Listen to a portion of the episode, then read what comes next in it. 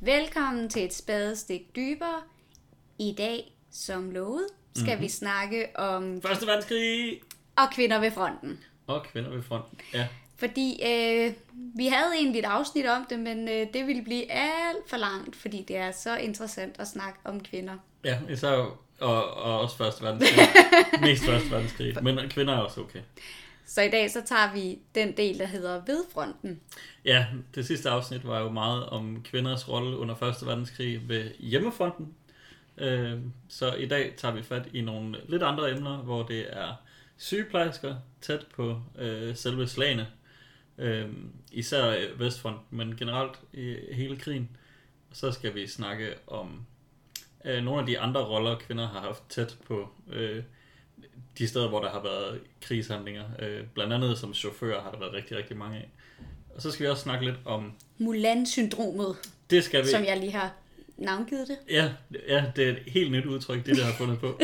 øhm, så til jer, der arbejder ved retskrivningsordbogen, det var så lidt. Øh, Og Men, så ja. tænker I nok, hvad søren er Mulan-syndromet? ja, Hæng på, og så finder I ud af det. det gør I lige efter det her. Hvad laver kvinder? Nej. Lasse, hvad, øh, hvad lavede de der kvinder ved fronten i det hele taget? Burde det ikke være mændene på den her tid? Jo, jo, og det var jo da også lidt del af handlinger, eller del af holdninger til, og det kommer vi også ind på øh, senere med hele det her Mulan-syndrom. Øhm, men jo, primært var holdningen, at det her med at føre krig, det var noget, mændene gjorde, øh, imens kvinderne, de helst ikke skulle slå hinanden ihjel. Øh, det er jo helt okay, når mænd gør det, åbenbart. Men hvad lavede de der så? Hvorfor Øh, var de der? Jamen, kvinderne var der meget i sådan støttefunktioner, øh, så de var der meget og hjælp med infrastrukturen i kraft af at, øh, at køre, øh, ja, lave en masse logistik, køre, køre materiel frem og tilbage, køre ambulancer, være chauffør, øh, køre biler generelt, var der rigtig mange kvinder, der, der meldte sig frivilligt til at gøre. Øh, og så var der utrolig mange, øh, som meldte sig som sygeplejersker, Helt ude ved fronten også. rigtig, rigtig tæt på fronten, ja.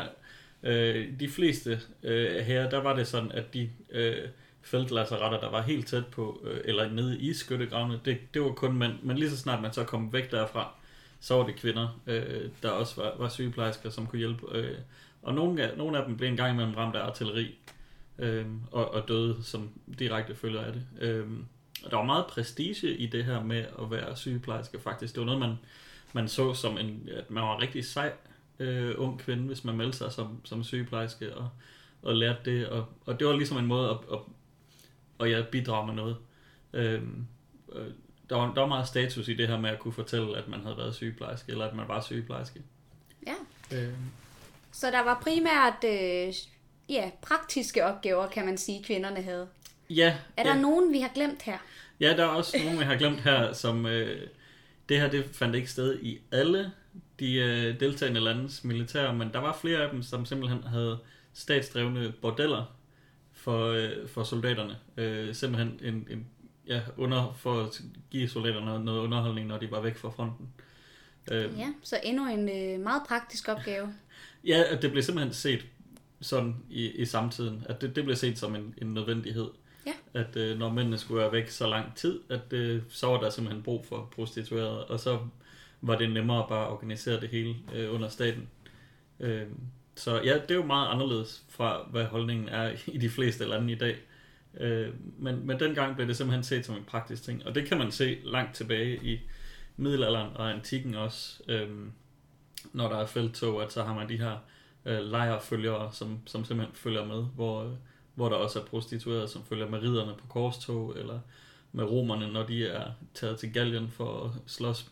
Øh, så, så det er på ingen måde en ny ting under 1. verdenskrig, øh, men mere, øh, mere velorganiseret, kan man sige, end det nok har været før. Ja. Så tre grupper, hvor der havde flest kvinder, har været logistik, Ja, yeah, sygepleje, yes. prostitution Og prostitution. Ja, det er sådan de, de tre helt store ved fronten. ved fronten. Ja. Og så har vi jo sidste afsnit, hvor man snakker om alt det her, der foregår øh, ved hjemmefronten med produktion og så videre. Hvor kvinderne også var meget, meget, meget vigtige. Ekstremt Øh, vigtigt, ja. Så det kunne man jo også lige høre, hvis man missede 6. afsnit. Ja, ja. ja.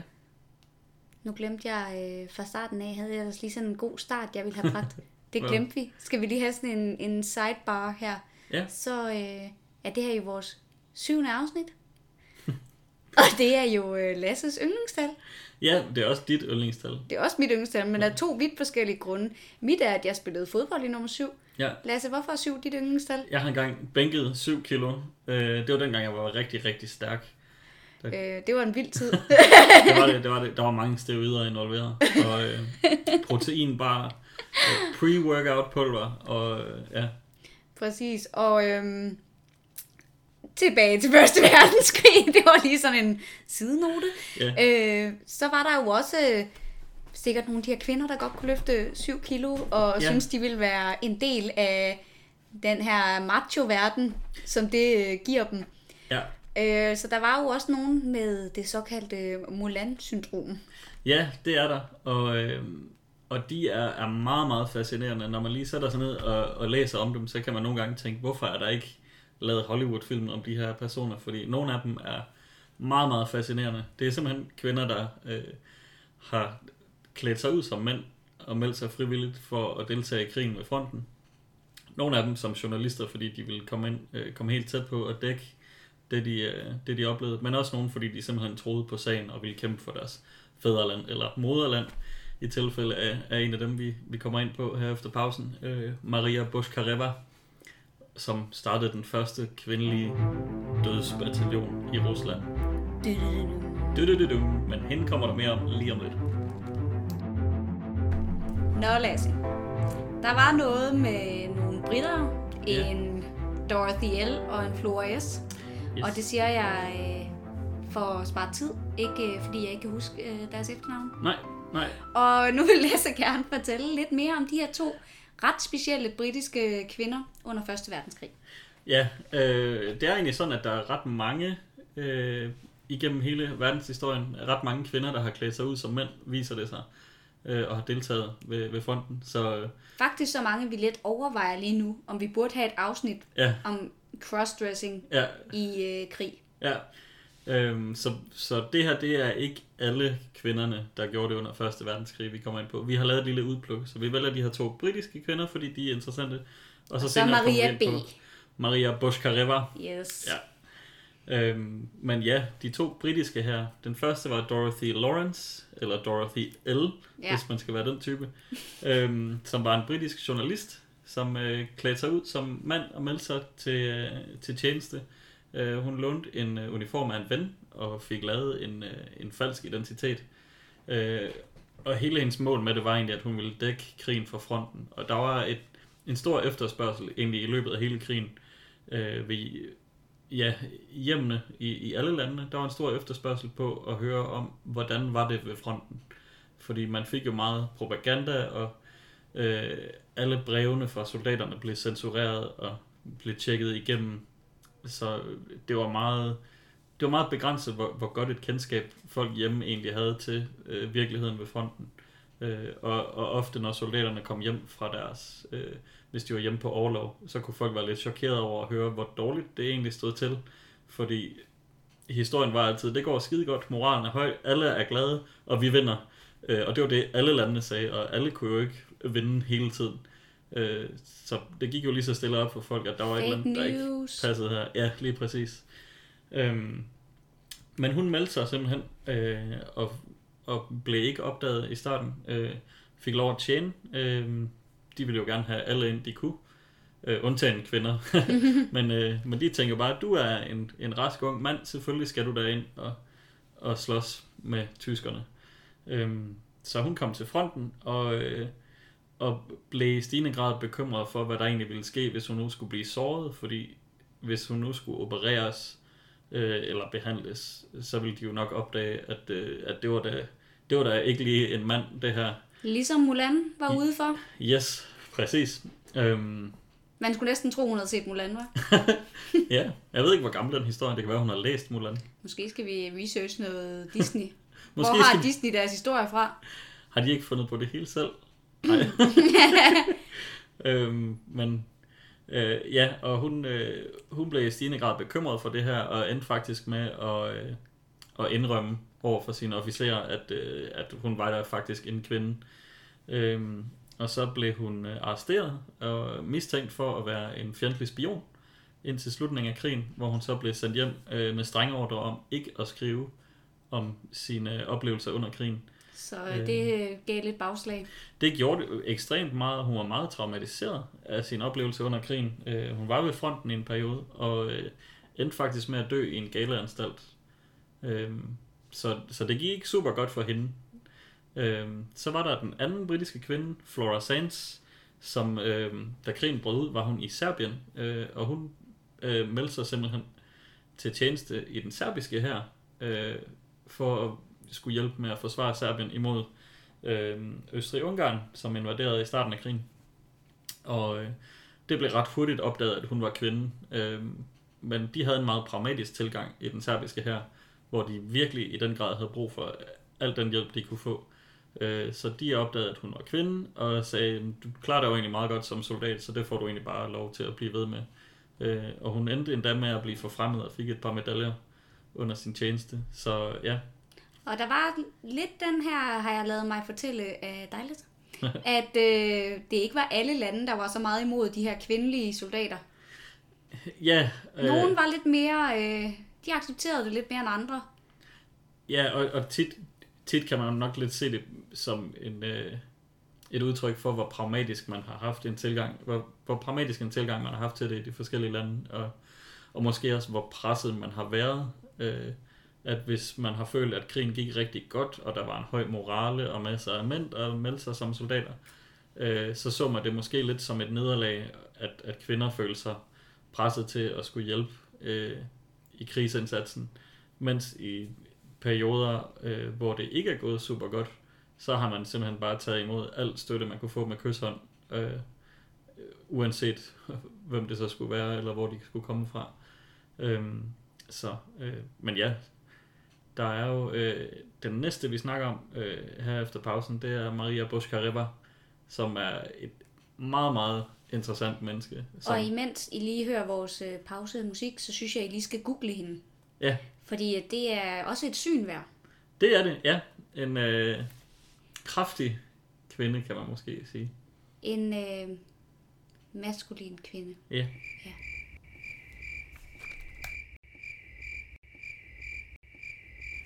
Og nu er vi tilbage efter pausen, og her i løbet af pausen har Ditte simpelthen fået hikke. Det er jo rigtig praktisk, når man skal indspille en podcast. Måske stopper det nu, fordi jeg har presset. Ja, fordi jeg Ej, sidder og sender dig dødsblikket. Stop! Stop med at hygge. Stop! Uh, fun fact omkring mig, at når jeg først hikker, så stopper det bare ikke igen. Ja. Så vi har valgt bare at køre på alligevel. De, de der har hikket de næste 80 år. Det er synd for hende, men sådan er livet bare nogle gange. ja. øh, men en anden, der også havde et hårdt liv, øh, ikke på grund af hikke, øh, det var Maria Buscareva. Ja, hun øh, var rimelig badass. Det var hun. Det var hun.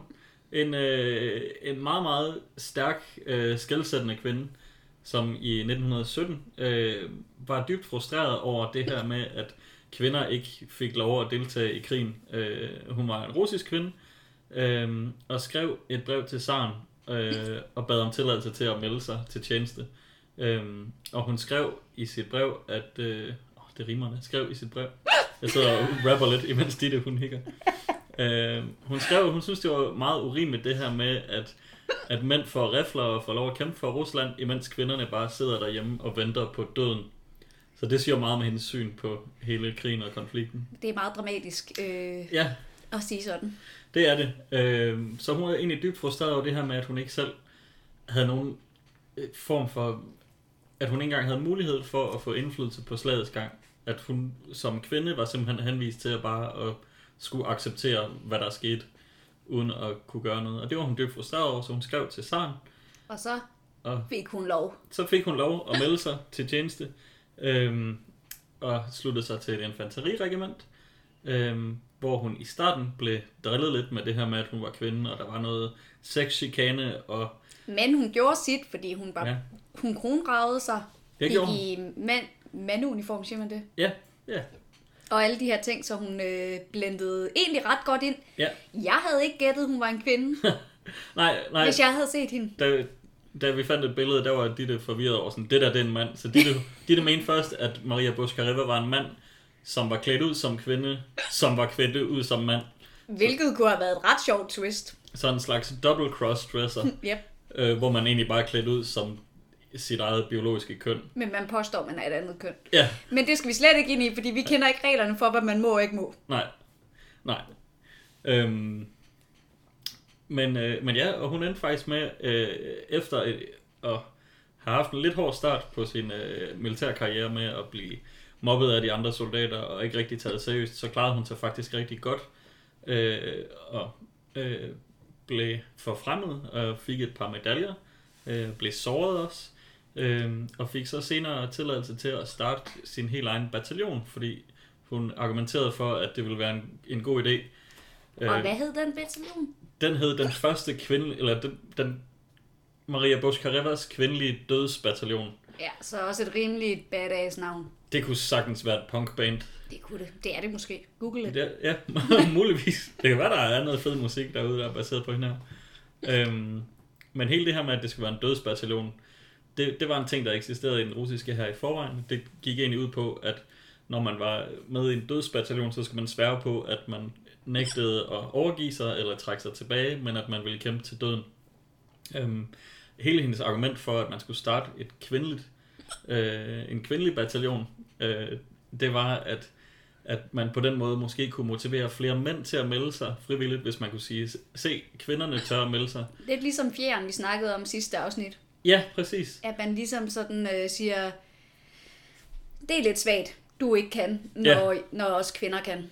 Lige præcis. Øhm, så hun fik lov at starte det her, den her kvindelige dødsbataljon, og øh, fik reklameret for den i den lokale avis. Øh, og på samme dag, som den første øh, reklame blev trykt, der var der 1.500 kvinder, øh, der havde meldt sig frivilligt. Og dagen efter var der 500 flere kvinder, der havde meldt sig. Ja, Øhm, siger, siger de i hvert fald. Ja, og så gik Fordi hvor mange var det, der kom med?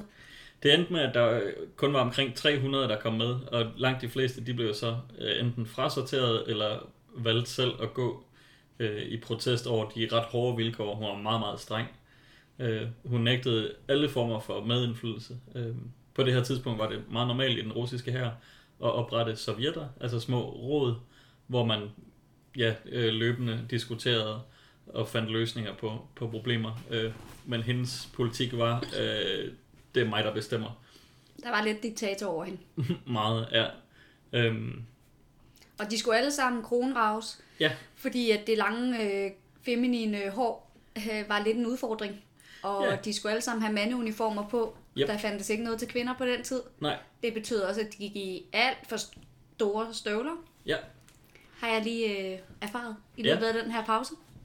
Ja, øh, så vidt jeg kunne læse mig frem til, så var den eneste, øh, det eneste vilkår, de havde, som var anderledes end mændene, det var egentlig, at de fik en lidt mindre riffel. De fik en, en riffel, der normalt var til kavalerister, øh, og som derfor var mindre end, end den, man gav til øh, infanterister. Ja. Øhm, men at det var egentlig den eneste forskel, der var i deres udstyr. Ellers så fik de det samme som mænd.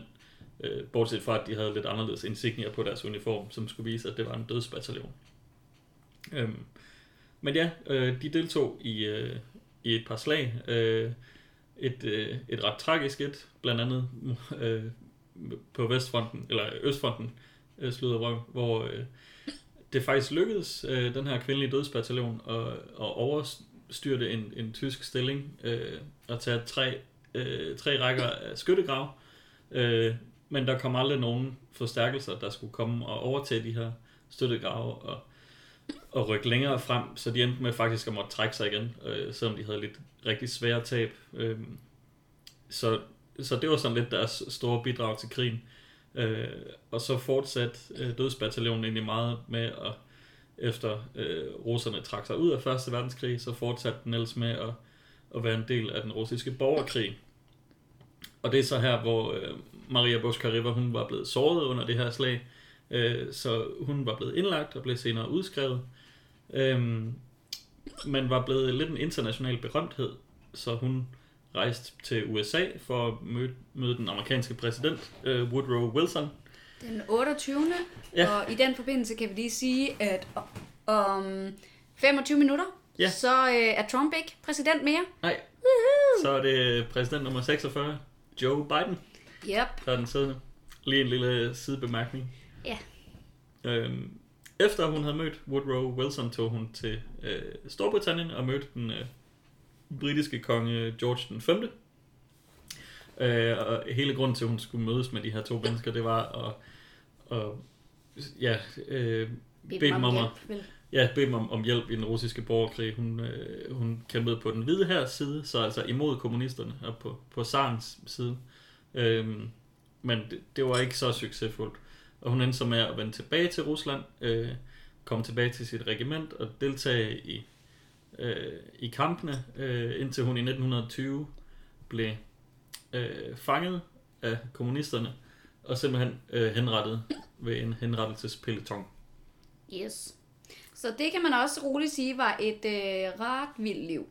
Ja, øhm, og, og det er jo også lidt interessant det her med at snakke om, øh, når, man, når man snakker krig, så især historisk, ikke? Så, så forestiller man sig jo altid, at det er, er unge mænd, der dræber hinanden øh, ved fronten. Men, øh, men der er faktisk også rigtig, rigtig mange kvinder, der enten bare bliver ramt øh, af artilleri, mens de har arbejdet som sygeplejersker eller som prostitueret, øh, eller, eller kvinder, der simpelthen har gjort alt, hvad de kunne for at komme tæt på kampen og har klædt sig ud som mænd. Og blevet en, en del af, Ja. af soldatregimentet. ja, så. Øh, men det her, det var bare et lille udpluk. Der er mange flere historier som det her. Og hvis Øh. I synes, vi skal lave sådan en øh, crossdressing i krig øh, Ja. episode, så skriv til os. Yes, Så øh, sætter vi os gerne ind i det. det kan vi i hvert fald godt aftale, ja. Og så har vi en øh, lille plan. Mm-hmm. Det er, at øh, vi snart skifter vores øh, billede ud. Ja, Nuværende billede har Lasse lavet, og lige meget, meget hvor flot det nu engang er, så tror jeg, at vi øh, sætter os ned og laver et nyt. Så I kan se frem til noget meget kunstnerisk. ja, nu må vi se. Men nu når du så har fortalt det, så er vi jo lidt nødt til os at beholde det gamle logo, fordi ellers så ved folk ikke, hvad vi snakker om nu.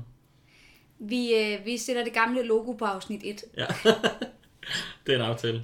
og så, øh, så kan I jo sammenligne, se om kvaliteten overhovedet er steget. Men jeg siger det også lidt her for at holde dig op på det, Lasse, fordi Ja. du er ret glad for det lo- logo, og jeg synes, det skal byttes ud. Ja, det er fair, det er fair. Tak fordi I lyttede med i dag. Ja, tusind tak fordi I Vi lyttede med. glæder os til næste gang, Ja. hvor vi endnu ikke ved, hvad vi skal snakke om. Nej, Men, men det, det finder vi ud af. Det er sådan set øh, Dittis tur til at vælge emne, fordi nu har jeg valgt emne til de sidste to afsnit. Så øh, nu må vi se, hvad for nogle øh, fun facts Ditte hun, øh, hun kommer på og gerne vil snakke om. Det er en aftale. Det kan I se frem til. Hej hej!